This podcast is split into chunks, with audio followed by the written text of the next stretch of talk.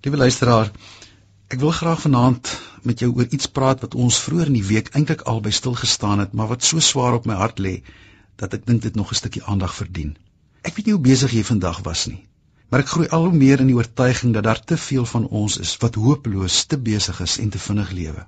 Daar het heelwat water al in die see geloop sedert daar 'n groot protes aangeteken is toe die McDonald's kitskos restaurant in 1986 die Piazza di Spagna in Rome 'n restaurant wou open.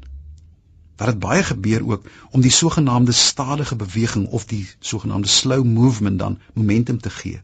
Lank gaan dit nie meer oor kos nie, maar ook oor 'n hele leefstyl, oor dinge soos tuine, ouerskap, reis, die kunste, finansies en die media. Jy sien ons kan met 'n vinnige getweet kort brokkies inligting oor die wêreld versprei, maar die vraag is hoeveel diepgang ons daarmee bereik.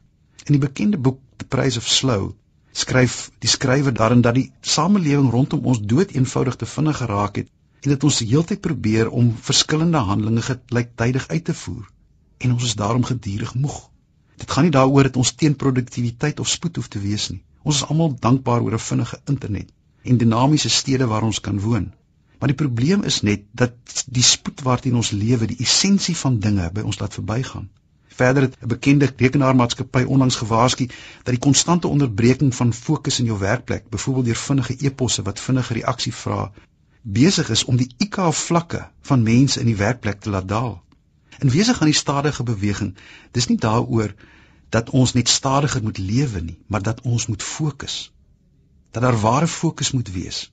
Sulke oomblikke bly in elk geval langer by ons dit raak die kos wat jy eet, die kinders wat jy grootmaak en die reis wat jy onderneem. Hoe die Amerikaner nou weer by Grand Canyon aan sy familie gesê, julle moet vinnig kyk, ons kan na die prentjies op die video by die huis gaan kyk. En dit bring my by die woord van God. Kom ons sê dit sommer reguit. God kan nie gegoogel word nie. Ja, Google is fantasties en dit help my baie. Jy kan ook inligting oor God op die internet kry, maar God self kan nie gegoogel word nie. Dit geld vir enige verhouding, ook jou verhouding met God.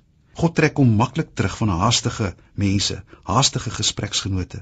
Christus was waarskynlik 'n waardige eksponent van 'n stadiger leefstyl en ek sê dit met respek. Wanneer daar siekte was, het hy sy tyd geneem om daar uit te kom.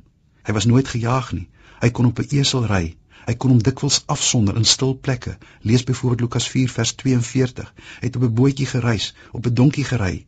Ja, hy het beslis nie die vinnige perde en strydwaans van die Romeine gebruik nie. Dit is ook 'n les vir ons hoe ons met die woord moet omgaan. Ek is bevrees dat ons in 'n samelewing leef waar ons die ware positiewe impak van die Bybel verloor omdat ons net te hastig en te vinnig daarmee omgaan, te min daarmee omgaan. Hoe hanteer jy die komplekse werklikheid van Bybelvertalings, verskillende kulturele lense, simboliese taal en metafore as jy te haastig is? Voeg daarbey dat die woord van God nie maklik sonder die intieme omgang met die Gees van God ontsluit kan word nie. Nee, God kan nie gegoogel word nie. Ek hou nogal van 'n McDonald's op sy tyd maar 'n kitskos Christendom mag net ontdek dat die ware oomblik by hulle verbygaan.